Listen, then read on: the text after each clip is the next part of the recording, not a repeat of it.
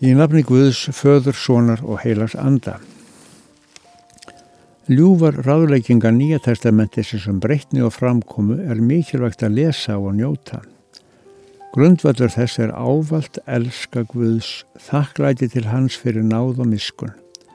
Þar á kristið fólk að móttaka það ljós sem frelsarinn Jésús Kristur hefur kveikt meðal manna. Hann er ljósið, byrtu gjafi allsins góða.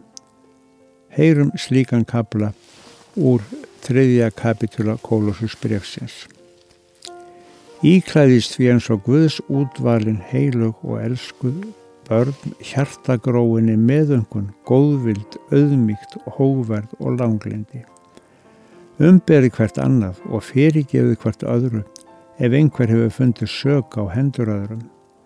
Eins og drottin hefur fyrirgefið ykkur, svo skulu þau gera. En íklæðist yfir allt þetta elskunni sem bindur allt saman og fullkomnar allt.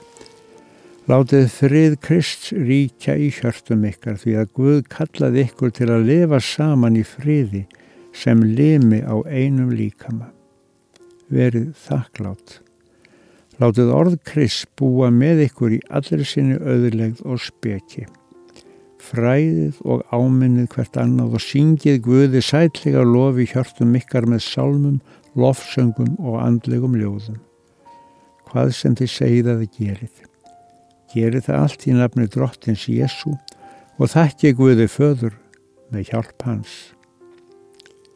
Byggjum nú með kunnum orðum í þýttum salmi sér að Mattiasar Jokkumssonar.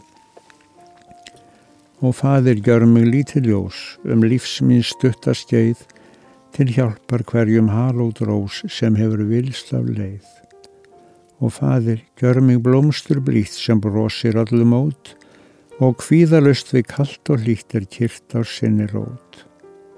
Og fadir gjör mig ljúflingslag sem lífgar hug og sál og vekur sól og sömardagan svæfir storm og bál. Og fadir gjör mig styrkan staf, að styðja hvert sem þarf, uns allt það pund sem Guð mér gaf, ég gef sem bróður arf. Og fadir gjör mig sigur salm eitt signa trúarlag sem afli blæsi brotin halm og breytir nótt í dag.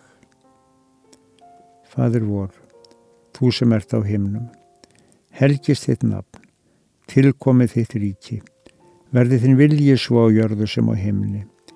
Gef oss í dag vort daglitt brauð, fyrirgef oss vorar skuldir, svo sem við erum fyrirgefum vorum skuldunautum.